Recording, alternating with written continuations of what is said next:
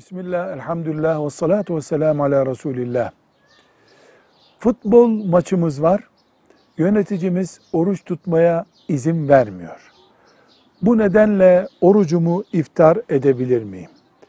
İslam dininde birisinin maçı var diye iftar etmesine izin verilebilecek hiçbir ruhsat kapısı yoktur. Velhamdülillahi Rabbil Alemin.